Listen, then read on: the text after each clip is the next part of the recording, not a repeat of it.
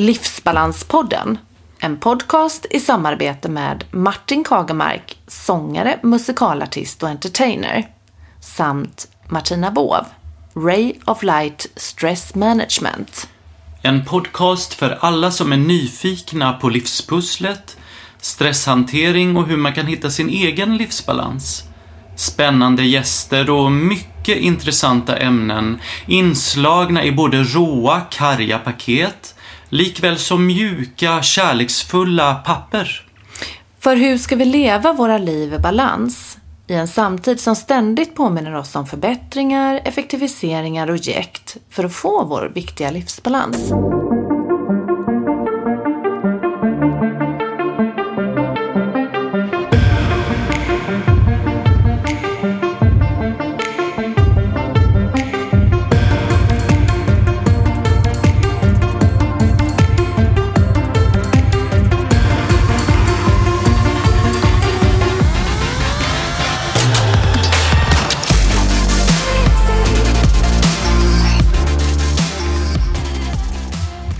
Träffade Carl Bjering, en nyutbildad kock på Södermalm i Stockholm, hemma hos honom, där vi pratade om Karls ADHD och Tourettes syndromdiagnoser, snedsteg i livet och om hans väg tillbaka till nykterhet och livsbalans.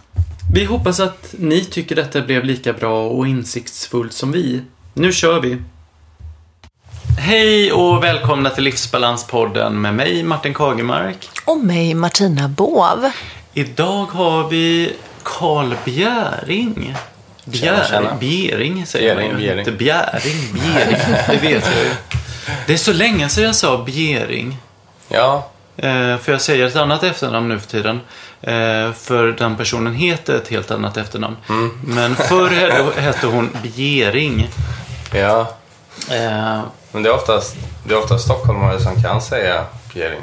Eller som är från, och i alla fall bor i Stockholm som Ja. säger Bjäring. ja, jag är ju från Småland. Ja, men du bor ju ändå i Stockholm. Jo, sen 20 Jag är från Skövde och där säger alla Bjäring, till och med du- Bjärling. Så Du är från Skövde yes. och eh, eh, du är född i Skövde. Mm. Men eh, uppvuxen i Mm, Varnhem, som Vanhem. ligger mellan Skara och Skövde. Ett litet, litet samhälle. Ja, väldigt lite. Jag tror det är 800 pers. Precis, jag åkte förbi det här om dagen. Alltså- För jag var på väg till Skövde och eh, skulle gigga. Eh, och då åkte jag förbi. Eh, och jag har ju varit i Varnhem. Mm. Du var ju på bröllopet och Precis. Och med, med din mamma då, Camilla. Och jag har ju också besökt eh, ditt hem. ja, det måste du ha gjort. Den villan som du bodde i. Där. Just det. Samma dag. Exakt. Eh, kan du berätta lite om dig själv? Vem är du? Mm, jag är Karl Bjering som sagt. Eh, jag är 28 år. Eh, bor just nu på Cypern. Eller fast just nu är jag i Sverige då. Men eh, jag har bott i Cypern sedan 2016. Eh, jag har varit hemma och pluggat till kock i ett år. Och gick slut i augusti. Gick klar i augusti säger man. Och eh, nu är jag här i alla fall. Det är väl kortfattat. Jättebra. Hur, eh, hur mår du idag? Jag mår relativt bra med tanke på omständigheterna. Eh, om man ska säga så. Eh, eftersom det har varit ett knixigt år för mig med pluggandet. Kan du berätta lite mer ingående vad, vad, vad du varit med om under det här året? Det har ju varit lite turbulent för dig. Eh, jag började plugga som sagt i eh, oktober 2017 och då var det ingen bigger deal direkt med problem. Men eh, sen på andra sidan året någon gång i mars, något sånt där, så tyckte jag att det blev lite för roligt att festa i Stockholm. Och sen blev det att man kom i fel kretsar och lite sådär och fick erbjudandet att börja sälja kokain och droger i övrigt. Eh, Och det tog jag på mig, eller vad man ska säga. Och, eh, men slutade med att jag drog i mig mer än vad jag fick sålt så sett. Och sen blev jag häktad i eh, juni i två veckor och nu eh, tar jag mitt straff i alla fall. Och är nu sen fem månader sedan drogfri. Ja, så. Tack för att du delar med dig av, eh, av det. Det är Ingen fara. stort. I dagarna, eh, jag vet ju att du har eh, varit på en utredning kring sjukdom som du... Du har ju inte vetat om det själv, men du har ju känt att någonting är fel. Eh, och nu har de kommit fram till då eh, vad det är för orsak och vad det är för sjukdom du har. Kan du berätta lite mer om det? Ehm, om man ska säga det senaste jag fick reda på som var nu i fredags det var ju att jag, jag fick det på, pap- eh, på papper att jag har ADHD. Eh, sen har jag också haft eh, Tourettes, Tourettes syndrom sen eh, jag var 19 ungefär. Så det är 2009 någonting. Ehm, ja. Har du läst mycket om Tourettes syndrom? Egentligen inte sådär jättemycket. Grejen var att när, när jag sökte hjälpen för just de här ofrivilliga ryckningarna eh, slash tics som började komma så gick jag till en, eh, vad heter det, alltså en läkare, psyko, vuxenpsyk typ. Och ehm, ehm, det tog liksom fem, sex besök innan de, eller liksom, och de kom inte fram till någonting överhuvudtaget. Och då började jag tröttna lite så jag googlade själv och eh, till slut så sa jag liksom att ja, men, det här Tourettes syndrom det är exakt så som jag är. Eh, så då var det mer eller mindre att jag la fram ett utskrivet papper från Google på, på, ehm, på liksom nästa möte typ. Och så fick jag blodtrycksdämpande för det, det var det enda jag fick. Men de tog ändå att det var det. Men de gav mig ingen rätt medicin för det. Idag går jag på Abilify när jag vet att efter jag fick en vettig läkare efter säkert fyra år liksom framställt på eh, Sofiahemmet till slut att, eh, att jag har Tourettes och att Abilify är den bästa för mig eh, medicin, medicinen för mig att gå på. Och den går jag på än idag. Så lite så. Men sen har jag som sagt också fått svar förra veckan på att jag har ADHD också. Du, eh, när man tänker då på eh, den här medicinen som du berättar om. Vad är det rent konkret? Vad gör den för dig då och tixen om man säger så? Den ska ju, den egentligen main-grejen av hela Abilify som jag märker på mig själv i alla fall. Det är ju att, det är att ticsen blir mindre. Det är egentligen, jag vet inte riktigt exakt vad den gör i övrigt. Jag har inte fått någon bra förklaring på det heller direkt. Förutom att det är den bästa för Tourettes syndrom. Och i det här fallet har jag ehm, på ett sätt, på, eh, vi vi har också kommit fram till att jag har vokabulära tics men framförallt um, de här ryckiga, alltså tics tics. Ehm, motoriska heter det, motorisk Tourettes syndrom. Ehm, men de här um, vokabulära ticsen kan också komma fram som typ så här, inte stöningar men typ så här att man spänner bröstet så det blir liksom en, ett knipljud typ i halsen. Så det är tydligen också det. Det är inte bara de här skrika eh, svordomar liksom.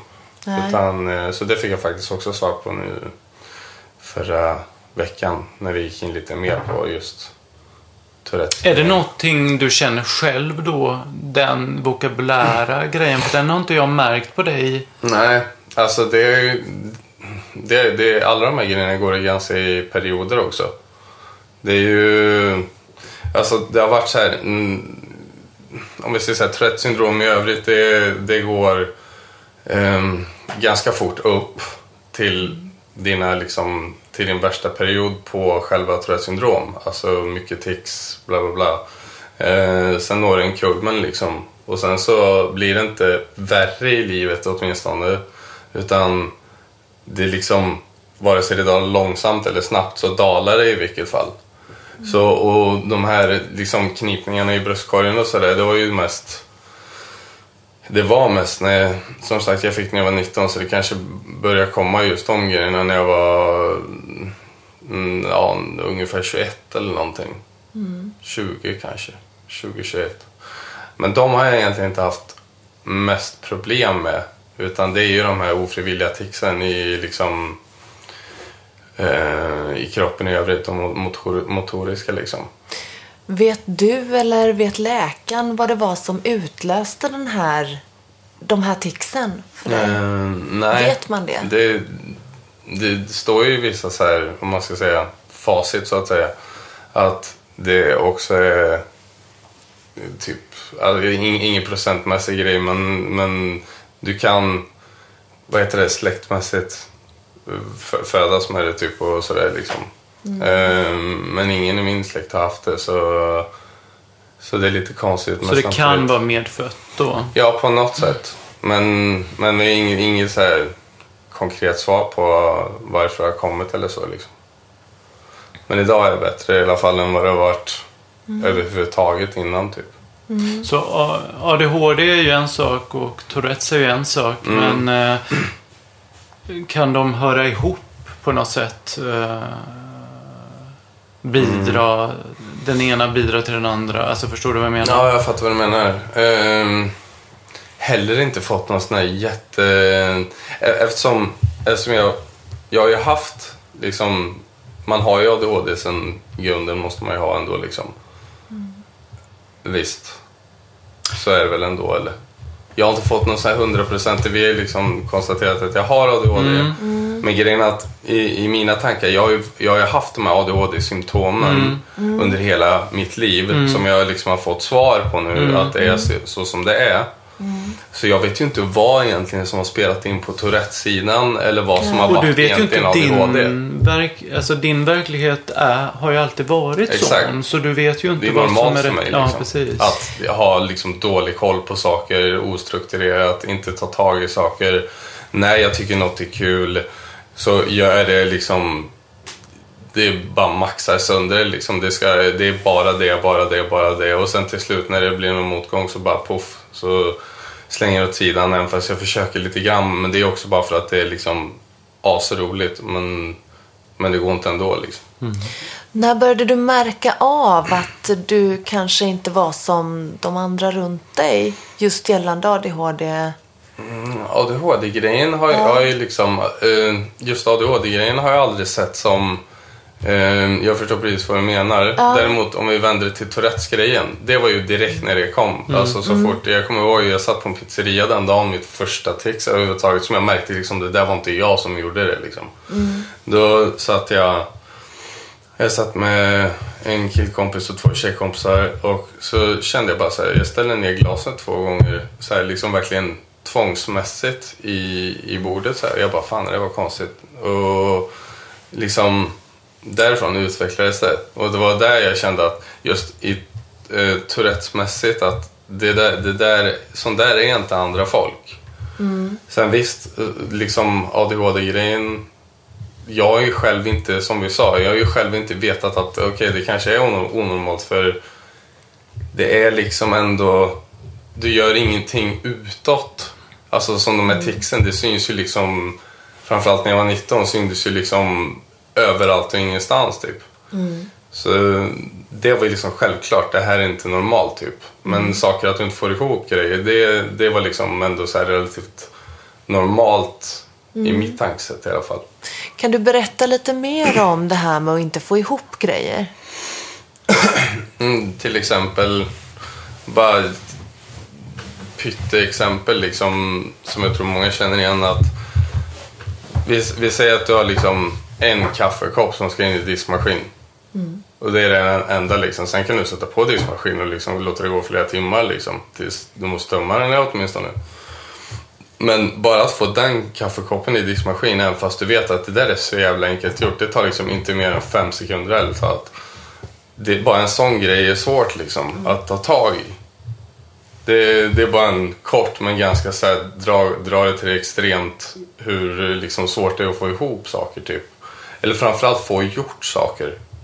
Och få ju, själva få ihop saker, alltså typ så här scheman så där, och liksom boka in flera saker på en dag. Vilket är liksom så här, det kan jag löpa amok på liksom. Det, det, har jag ett jobb på, vi säger bara för kul skull, fem timmar och sen har jag en träningstid efteråt. Bara de sakerna är ganska svåra för mig även fast det är, liksom, det är bara två tider att komma ihåg på en hel dag. Är det alltså att ta ett faktum från tanke till handling? Ja, Egentligen. exakt, exakt. För jag vet där- ju att jag ska göra det. Jag vet ju att jag ska göra det. Jag vet att jag borde städa massa. Jag vet att jag borde göra dittan och dattan. Ehm, ja, men exakt. Det är så som du säger. Det är liksom själva agerandet som är jävligt svårt att få till liksom. Tror du att eh, tankens kraft skulle kunna hjälpa dig att ändra någonting? Ditt eget förhållningssätt till att få saker gjorda? Menar du lite såhär KBT, alltså Ja. så här, jobba med sig själv typ? Ja, Ja, men det har jag börjat göra faktiskt de senaste månad, månaderna. När vi har haft den här utredningen. När jag ändå kände på mig att jag, så här, men jag behöver nog ta tag i det. Inte bara liksom låta en medicin göra jobbet, eller måste jag säga. Och jag har faktiskt blivit mycket bättre på just att um, ja, men, ta tag i saker som är liksom tråkiga och sådär. Och som jag har tyckt var jobbiga innan. Men liksom det är inte... Jag jag ser lite annorlunda på det nu i vilket fall, även fast jag inte ens har börjat med den ADHD-medicinen än. Utan som du säger, att jag har börjat jobba med det och det blir enklare och enklare hur har du gjort då? Nej, det, det, det, mamma brukar säga det faktiskt, att det, det för, för i alla fall hon säger till mig att ja, men, du får gå små steg liksom, till, om man ska säga, framgång för att lära känna dig själv överhuvudtaget. Och jag har alltid varit liksom så här trotsig och bara säga ja men små steg, alltså ja jo men sak, vissa saker känns omöjliga. Men nu håller jag med henne att det, det är små steg. Alltså man, man ska inte säga till en person som mig så ska man aldrig säga det är en lång väg att gå för då ger jag upp direkt i vilket fall för då har du inte ens en liten inkörsport till att lyckas. Utan men jag håller med nu efteråt. Att typ den där kaffekoppen som liksom stå, står där på diskbänken. När jag började ta den liksom och ställde in i diskmaskin så kände man efter ett tag liksom att ja, jag började lära det där bör, det bör funka ändå liksom. Och det är så jävla jobbigt är det inte liksom. Lite så typ. I, I de här situationerna, i och med ADHD, ha, om vi bara pratar ADHD, ha, har det varit väldigt stressfyllt liksom kring det för dig i, i ditt tänkande? Eh, att känna att eh, någonting är fel? För det är ju utifrån du har fått, ja men du kan inte göra så, du kan inte göra si, du kan inte göra så. Då blir du väldigt stressad och då blir det ju svårare. Jag förstår, nu, nu förstår jag vad du menar. Det är alltså lite så här provocerad av att folk kan bli irriterade på att jag inte kommer ihåg någonting eller fattar vissa saker eller att jag måste fråga flera gånger för att fatta. Ja, jo, det, det, det har varit ganska jobbigt. Men framförallt i vuxen ålder när man vet att okej, jag är verkligen dålig på att komma ihåg saker. Det blir liksom, jag försöker så mycket att, ehm, att liksom förstå folk. Och till exempel om jag har en person framför mig, till exempel den här kockutbildningen jag gjorde, så har jag haft praktik på vissa platser och så har jag haft någon som har sagt liksom, ja men till den här grejen så ska du ha det, det, det, det och det. Och jag står ju alltså och liksom typ stirrar på den här personen så pass alldeles för mycket liksom. Dels för att jag vill visa att jag är intresserad, jag bryr mig, jag vill ta in det här. Plus att jag, men jag koncentrerar mig så pass mycket att det bara rinner ut ur andra örat liksom. Det, är liksom det, det, det har vi också kommit fram till att jag, ibland kan jag göra saker mer komplicerat än vad det faktiskt är. Men just det där med minnet det är relativt, det har ju med liksom fokus och allt det där. Att det, det är svårt att sätta sig liksom. Det har med sjukdomsbilden att göra. Ja, men exakt. Är det någonting som du har eh, upplevt under hela din skoltid? Även när du var liten, att du hade svårt med koncentrationen och så? Ja, alltså mm, jag, jag, jag har aldrig varit överhuvudtaget bra i skolan. Inte ens egentligen okej. Men det är framförallt för att jag, jag, liksom, jag är gärna i skolan. Jag, är, jag, jag, jag tror inte jag skolkar en dag i hela min skol, skol vad säger man? Skol, Skolgång. ja. Ehm, men däremot gjorde jag inte ett skit liksom på lektionerna. Och jag var klassens clown bla bla bla typ. Och det, det gick liksom, jag kunde inte sitta still. Och det var liksom, bara komma ihåg en bok och ta med hem som jag ändå inte kommer plugga på det hemma. Men jag kunde åtminstone tagit med den hem. Det, det hände ju inte liksom. Så sådana där saker, det är ju knixigt. Mm. Och i och med Tourettes eh, sjukdomen nu, alltså innan du fick reda på vad det var, alltså det måste varit väldigt eh, jobbigt för dig att Mm. eh, känna att någonting är fel men jag vet inte vad det är. Och det Ja, måste ju vara otroligt lättat nu ifrån liksom Ja, och, ditt, ditt hjärta och, och veta ändå vad det är för någonting där man kan göra någonting åt det. Både, Ja. både ADHD då och Tourette. jo, precis. Och framförallt att den börjar, som den läkare på Sofiahemmet sa, att den kommer dala åtminstone vare sig det tar 20 år från och med nu eller om det tar 10 år eller 5 år. Så känner jag ju fortfarande att den har dalat så pass mycket. Och liksom, men just det här i början. Alltså du vet, om vi säger så här, nu har jag inte lyssnare på det här eller ser inte lyssnare det här, men så som ni ser mig nu. Du minns ju åtminstone Martin när, eh, liksom, när jag var kanske 18 eller någonting. Det var ju liksom det var ett asplöv liksom. Och då hade jag ingen aning om vad det var för fel på mig liksom. Så det, då blir man ju så här, man liksom nästan till skäms för att visa, eh, alltså, visa sig för någonting förutom familj. Alltså sådär liksom bara för att... Men samtidigt var, var jag var alltid med folk ändå. Så det var, det var ingen big deal så. Det var bara så här, det vet, varenda led i kroppen, varenda muskel i kroppen var ju liksom intens spänd hela, hela tiden liksom. Jag, hade liksom, jag fick ju, jag kommer ihåg flera gånger i det där huset i Varnhem liksom. Att på vintern, det var de här vintrarna när det var 25-30 minus kommer jag ihåg. Att det var, jag, det var liksom, jag var så kokhet i hela kroppen. Och ingen feber eller någonting utan liksom på grund av ryckningar. Jag satt, satt liksom och spelade Playstation och var bara helt, det var liksom alltså helt jättesvettigt. Och jag gick liksom ut i, i kalsonger ute i 25-30 minus och satte mig i solstol bara för att liksom så här kyla ner mig. Du vet. Men gud. Så det är, det är liksom... Det var ju plus att det ont, eller gjorde liksom ont i alla så leder och du vet så här, framförallt här liksom de här, alltså i, i handlederna framförallt. Eftersom det är de, när man är med folk som man inte vill visa det för framförallt, eller man inte känner sig bekväm med typ. Då, tar, då spänner man ju sig inne i kroppen så pass mycket att det, liksom, det blir som den här sittande scouten träningsgrejen liksom. Att man bara spänner sönder sig tills liksom lederna nästan går sönder liksom. Så det är lite så. Eh, Känner du till någonting om eh, mindfulness? Mm, nej, att man ska ett liksom se framåt eller vara positiv typ eller? Ja, eller vad det innebär.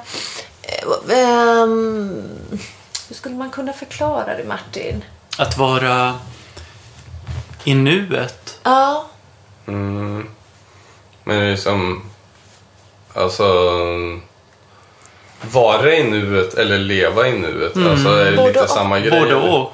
Ja, men det, det gör jag ganska mycket och har framförallt gjort eh, de senaste åren typ.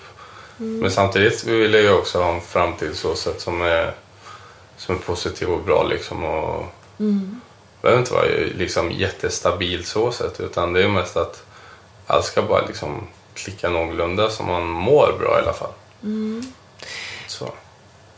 Precis, för ehm, jag kan relatera till det här med just att känna sig väldigt spänd i kroppen. Och, eh, jag själv har ju haft utmattningssyndrom med depression. Ja, okej. Och eh, jag kan också faktiskt eh, ehm, känna igen vissa saker gällande ADHD. Eh, så, jag kan, så jag direkt faktiskt kan relatera till Mm, eh, känna samma symptom så att säga, eller vad man ska säga. Exakt. Väldigt mycket med det här med koncentrationssvårigheter, Mm. minnesstörningar. Eh, försöka få ihop en helhet av många olika bollar i Mm. luften. Eh, att ta en sak från tanke till handling. Ja, exakt. Att lära sig att strukturera upp sin vardag. Ja, precis. Eh, Få ihop ett schema. Få typ, ihop och- ett schema. Eh, logistik. Mm. Att ta sig från plats A till plats B. Mm. Eh, när du vet att du kanske ska göra några avstickare på vägen. Ja, men exakt, exakt. Time management. Mm. Komma i tid. Ja, exakt. Eh, men det är väldigt mycket liknande symptom.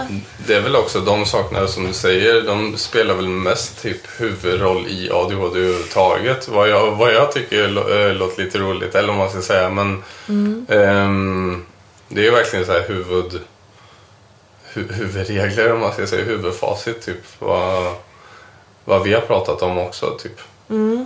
Och lite fokus och sådär typ. Ja, Men fokus har ju också med att komma ihåg saker. Så det, precis. det är lite så man får, man får börja liksom med fokus för att komma till att komma ihåg saker till att fokus för att göra ett schema till exempel eller vad som helst. Det är ju många saker som liksom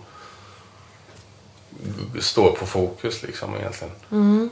Nu har du ju varit drogfri i eh, fem månader sa du. Och grattis till det. Tackar. Mm. Jättestrångt gjort och eh, eh, bra jobbat. För det är inte lätt. Och hur, eh, hur kom du liksom... Du, du förklarade ju lite hur du kom in i drogmissbruket. Men någonstans var det, var det en oro som gjorde att det föll sig så. Att det började överhuvudtaget typ eller? Nej, alltså grejen är att Mm, mitt svar när jag även frågar mig själv typ varför det blev så, det var bara för att jag för det första hade jag alldeles för om man säger stora och bra inom situationstecken tillgångar till det. Eh, och liksom hade möjlighet att jobba, om man ska kalla det jobba med det och allt det där. Och sen så var det liksom återigen den här grejen, lite som vi också har sagt, att konsekvenstänk typ. Nej, efter jag några månader liksom hade festat som ganska mycket i Stockholm så började det liksom bli så att jag menar om det hade varit en gång per helg så hade jag varit glad, glad i dagsläget liksom. Men sen när man kände liksom i mitten av sommaren att nu gör jag det här absolut varje dag. Och det, till och med när man liksom, om man överhuvudtaget hade liksom sovit överhuvudtaget på fyra dagar så, så var jag fortfarande på det direkt för att för att det tar lång tid att stabilisera upp både dopaminnivåer och allt sånt där efter ett sånt race som jag har haft typ. Det är ju väl typ först nu jag börjar bli, om man ska kalla det människa igen typ. Vilket är jävligt skönt. Men i alla fall svar på din fråga att det... Åt, alltså liksom, man vet att du gör fel. Du vet att du gör fel, men det här är för roligt för att ta bort.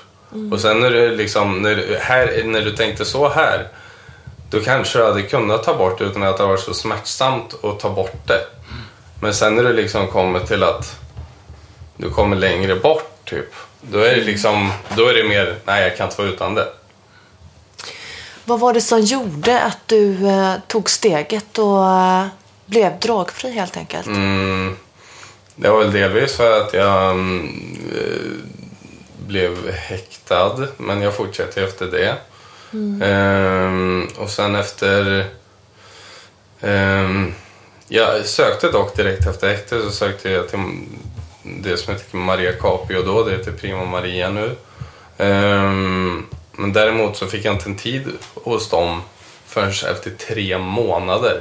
Oj. Och ärligt talat så var det faktiskt typ vid den tiden det höll på liksom riktigt gå ner sig för mig. För så illa var det inte innan juni. Och, men det är inget att blamea så, men, men samtidigt så tycker jag det är lite halvvekt att inte ta in mig åtminstone på, in, inom en halv månad eller en, en månad.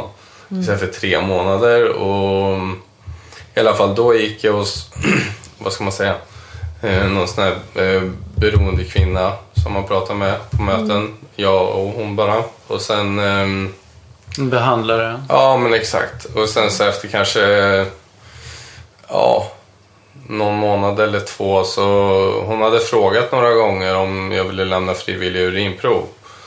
Men jag ville inte det. Jag tyckte det kändes onödigt. Eh, men samtidigt nu efteråt så är jag glad för att jag gjorde det. För jag har också fått svar på av mig själv att anledningen till att jag inte ville lämna frivillig urinprov bara för att jag hade inte kna- knarkat klart eller jag hade inte vaknat till. Jag hade liksom inte fattat oj du är ute i, på djupt vatten liksom. Så mm, Du hade inte riktigt bestämt dig nej helt exakt. enkelt. Mm. Men sen jag började det var liksom det var fortfarande ett litet alltså det var ingen som tvingade mig men det var fortfarande jag kände så här att fan hon tror inte på mig att jag vill sluta vilket jag egentligen inte ville. Mm. Alltså så sett om man ska vara ärlig till sig själv.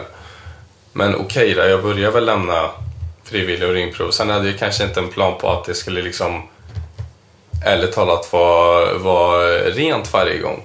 Mm. Men efter det så blev det ju liksom så blev det lite som en så här hållhake typ. Att man vill inte förstöra det.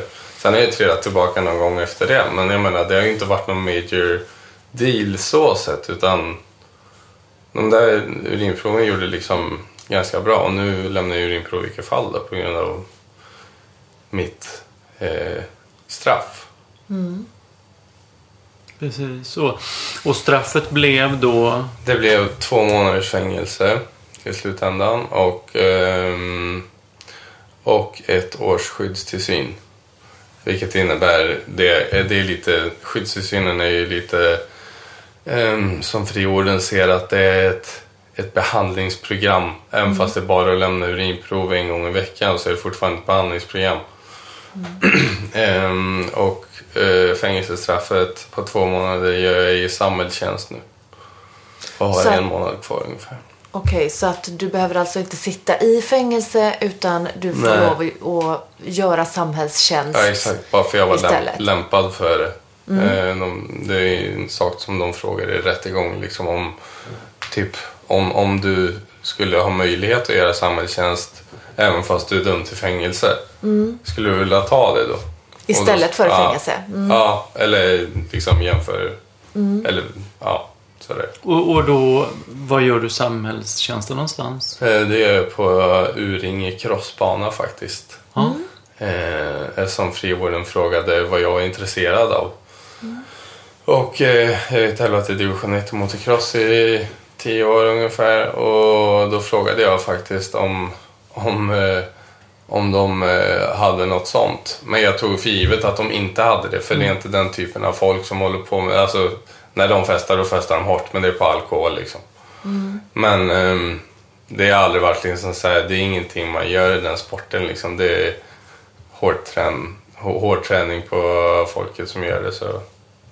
Eller på, som, kör, som tävlar och kör cross. Behöver samhällstjänsten ha någon direkt koppling till brottet eller? Nej, Nej? det är bara en, egentligen vad de har som folk har. Alltså det brukar ofta vara så här Röda Korset och eller vad heter det? det är sån här, ehm, Frivilligorganisationer ja men och exakt så. såna här kläder och Men det gick bra, men Ja. det gick bra att, att vara där och Ja. göra Och, samhällstjänst. ja, för grejen var att de frågade ju liksom ja, men vad är du intresserad av? Då sa jag ja, jag räknar inte ens med den här crossgrejen så jag sa liksom men hund, jag tycker om hundar jättemycket. Typ. Och då sa hon eh, ja tyvärr får vi inte lämna vårt, vårt folk så att säga till, eh, till de som har haft hundar förut. För att det har varit misskött och bla bla bla. Eh, och då eh, då frågade hon igen, "Ja, men finns det något annat då? Så här, då sa jag, ja, motocross. Och så förklarade jag just den grejen jag förklarade för er, att men det är dock inte samma folk så här och bla bla. Men då sa hon att hon faktiskt hade den här på Uringe crossbana som som har tagit, tagit åt sig lite, om man ska säga, folk från frivården som är dömda liksom. Mm. Och så blev det och jag var jättetacksam för det och jag går jättebra ihop med han på banan där som är min eh, handläggare eller vad man ska säga. Ledare kanske. Mm. Så det Hur ofta bra. gör du det i veckan? Ehm, mm, just nu är det, det har, fram, det har varit fram tills nu eh, varje söndag, för det är egentligen en helggrej. Mm. Beroende på om du såklart stöter i ditt vanliga jobb, om det är så. Eh, men i alla fall så är det en... Eh, jag gör det på söndagar. Eh, dock ska jag eh, göra det på både lördag och söndag nu för att det är lite ändrade planer bara. Mm. Så är det. Det här med eh, det här brottet tänker jag. Mm. Eh, finns det någonting som du, om du får, skulle fått göra någonting annorlunda idag, nu när det har gått fem månader och du har eh, hållit dig drogfri i fem månader som är ett jättebra stort steg. Mm. Eh, finns det någonting som du skulle kunnat gjort annorlunda som du önskar att du hade vetat innan? Innan Ja, hela den här Alltså, karusellen satte igång. även fast jag hade fått reda på att... Även fast jag hade fått reda på vare sig det har med sjukdom eller inte att göra, eller diagnos av att jag är en väldigt impulsiv person och tänker inte på konsekvenser så tror jag inte jag hade lyssnat på det ändå. För jag litar, inte på, jag litar liksom inte på det förrän det är för sent och jag får svaret då. Liksom. Ehm, Du behöver så- nästan bevis för Ja det men exakt, det, det behöver hända för att jag ska få en läxa liksom. Det behöver nästan hända för mycket eftersom jag är fullt tillbaka efter jag blev häktad också liksom. Ehm, så det är liksom... Jag vet faktiskt inte. Alltså, det är inga konkreta saker. Sen såklart umgänge och sådär. Att komma in i fel kretsar. Jag vet inte. Alltså, det finns, det finns inget direkt, direkt så här självklart svar på vad jag skulle gjort annorlunda. För det var fortfarande folk som jag tyckte om på ett sätt och det var en rolig grej, bla bla bla. Det är liksom, jag har inget direkt svar på vad jag skulle ändra. Det är bara egentligen synd att det gick så långt att jag fastnade i det så långt. Hur ser din eh, behandlingsplan ut nu gällande allt? Ehm, rent Tourettesmässigt så är det ju som vanligt. Jag går på min Abilify. Ehm, och sen ADHD ska jag faktiskt börja på min medicin imorgon. Ehm, och så ska jag ha möten med dem på Maria en gång, i, en gång per vecka i en månad för att se att, ehm, att medicinen funkar bra och sådär. Och så är det inte några konstigheter. Är det Maria beroende Ja, eller, klinik, eller det är ju? Ma- Maria Capio eller Prima Maria som det heter nu. De har ju Ja. också... mm, Det är också där jag har gjort min utredning för ADHD. Mm. Så just den grejen hör inte riktigt med, men det är fortfarande samma klinik, eller inte klinik kanske, men... Samma ställe då? Ja, Det- exakt. Så, mm, ja. Men när det gäller ditt eh, drogberoende så är, finns det en behandlingsplan då som du Ehm. måste utföra. Det, eh, det beror också på om jag, om jag kan flytta den här skyddstillsynen inom, eh, inom EU. Ehm, för eftersom jag bor på Cypern så, så ska ju vi håller på att ansöka om att förflytta i skyddstillsynen i alla fall dit. Och när vi vet om det går eller inte, om de nu inte skulle acceptera det, så, mm, så har de en typ djupare plan på frivården som, som är mer... Ja, men den är djupare helt enkelt. Men det är liksom inget tvång, utan det är bara så här... Det, är, det känns som det är mer för att vara snäll för oss krim, eh, kriminella typ och beroende folk typ. Att ja, men här får ni på köpet liksom, så ni verkligen... Lite så. Hela grejen är ju snäll egentligen, men så behöver man ju inte se det. Men ja... Ehm, tappade jag bort mig lite där. Men du känner ändå att du behöver gå och prata med någon om ditt beroende? Inte prata egentligen, för det, det är ganska så här... Det, behöver jag prata med någon så är det liksom som i det här fallet, liksom man, några man har bättre relation till än att bara gå till en psykolog om man säger så, som egentligen, ja okej, okay, de forskar i, men de bryr sig på ett sätt, inte liksom, alltså rent från hjärta till hjärta liksom. Mm. Ja, du känner så. Mm. Även när du går i grupp och pratar och... Ja, jag gick i, jag gick i grupp, um, sån här um, grundkurs i beroende um, på Maria och det var um, jag gick två eller tre gånger men jag slutade med den bara för jag, och jag tror jag gjorde rätt i det. För att det påminde mig mer när han står och tjabblar om alla sina, liksom, alla sina problem i tre timmar. Och liksom, det har, det är liksom, jag får inte öppna mig någonting. Ingen i, om man ska kalla det klassen, får öppna sig ändå. Mm. Um, så då blir det lite som att jag sitter bara där egentligen och blir sugen på att dra en lina. Liksom. Förstår du vad jag menar? Det är liksom... Du känner det? det, det för, mig, för mig blir det mm. bara fel. Så jag slutade efter tre mm. gånger och har ändå kommit, om man ska kalla det, så pass långt som jag har. Sen... För, för alla de kurserna handlar det ju om uh, olika grejer. Mm.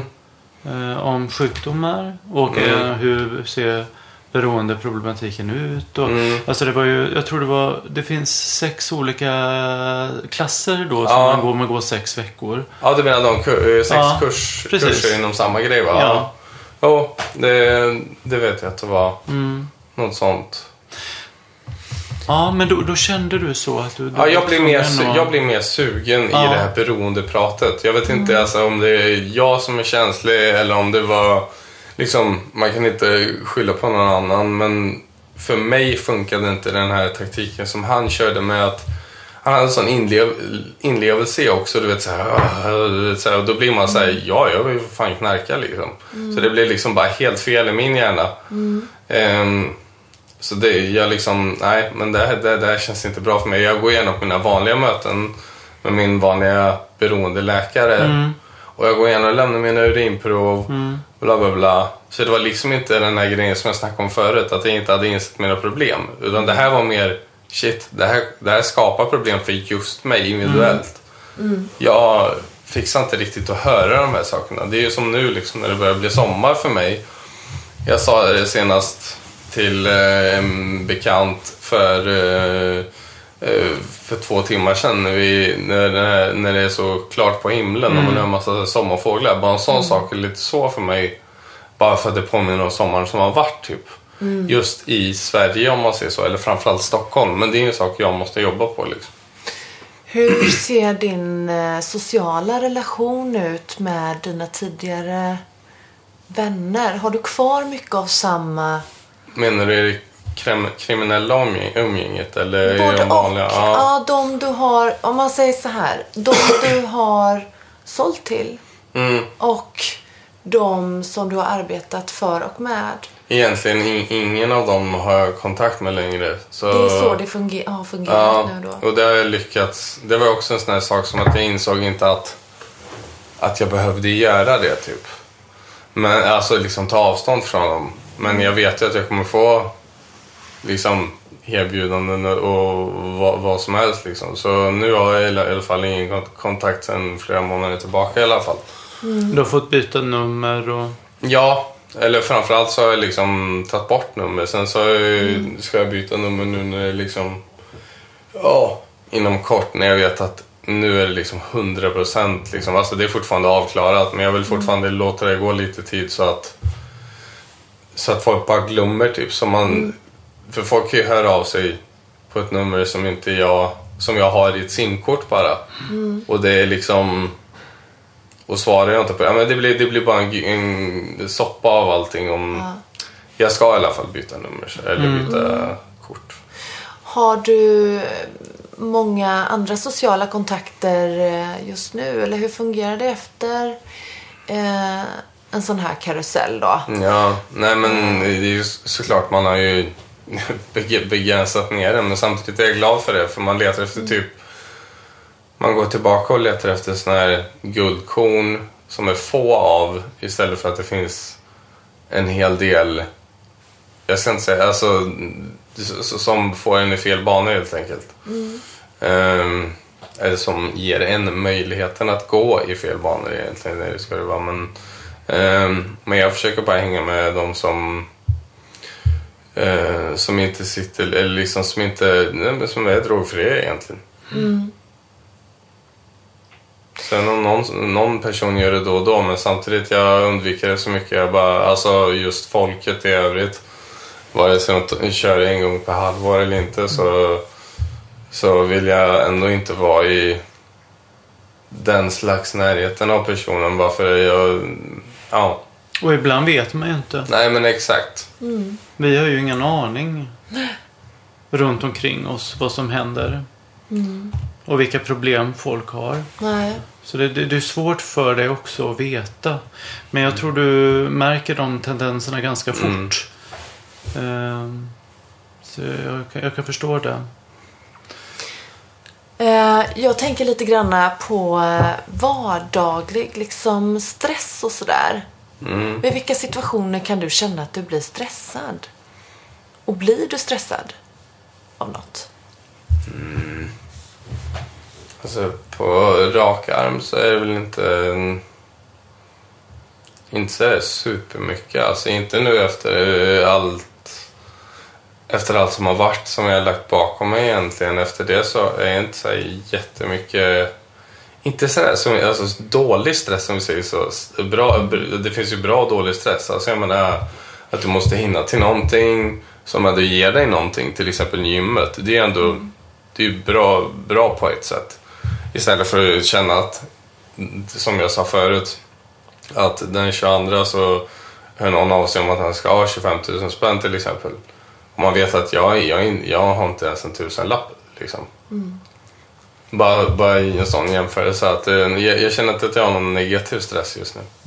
Det var ju lite referenser där liksom på vad som är eh, Precis. extrema grejer. Exakt, lite liksom. det till Ja. extrem åt båda hållen. Ja. Typ att, och det är lite så som man funkar som också just i min ADHD i alla fall, att jag är impulsiv och det är antingen eller för mig och lite sådär, liksom inte så ofta något mellanting liksom. Men den, men den stressen måste varit extrem när Ja, ja. du ska ha in eh, 25 000. Alltså det, Ja, Vad gjorde du då? Vad kände du då?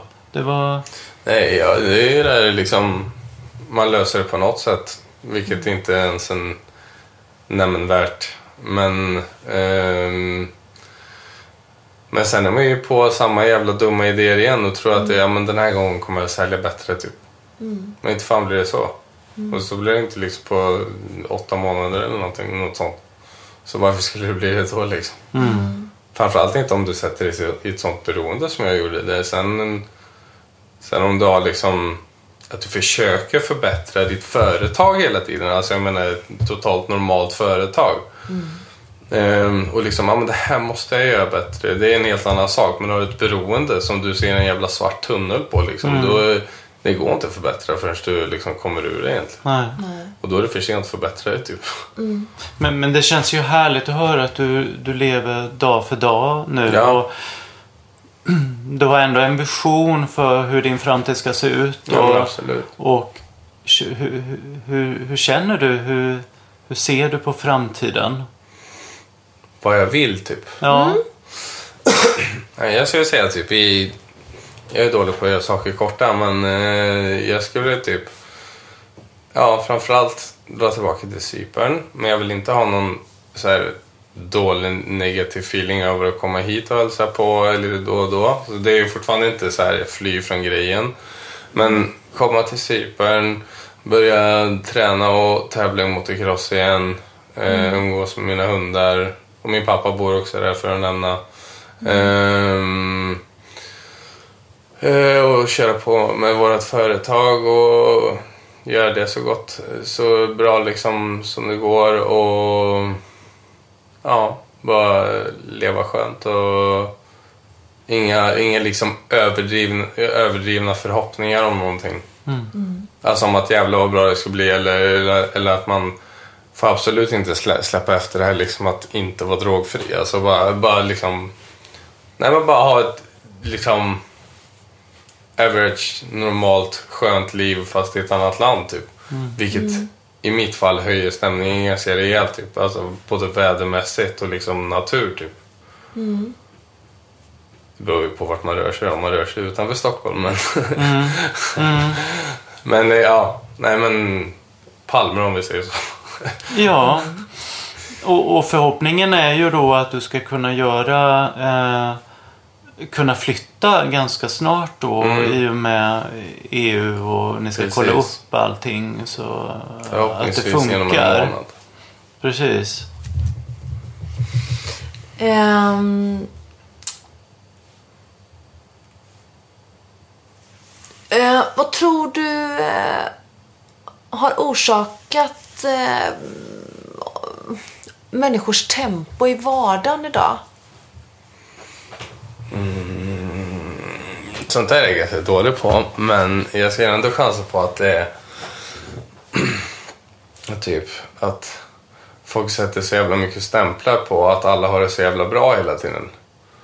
Och alla vill leva upp till typ eller inte vara sämre än någon annan, känner jag. Ehm, och att då, jag vet inte om jag jämför på rätt sätt eller förklarar på rätt sätt, men liksom att folk stressar upp sig över saker som, men, till exempel, bara som ett exempel. Någon på en bild här ser ut att ha det asbra liksom. Den här personen här som tittar på bilden eh, ser ju att, ja men jävla vad bra den har det. Så den försöker nå dit. När den här personen som är på bilden kanske inte alls är glad och vill ner dit. Till den här personen som tittar på bilden. Alltså lite så typ. Jämförelse och... Ja, men exakt lite så typ. Och att eh, folk tror att folk har så jävla bra standarder och att det är liksom guld i gröna skogar. Men ingen aning har, eller ingen har någon aning om hur bakgrunden är på folk och sådär. Sen är väl det en grov. Om, Saken. om du känner lite på ordet livsbalans. Vad tror du är avgörande för att få till detta i livet?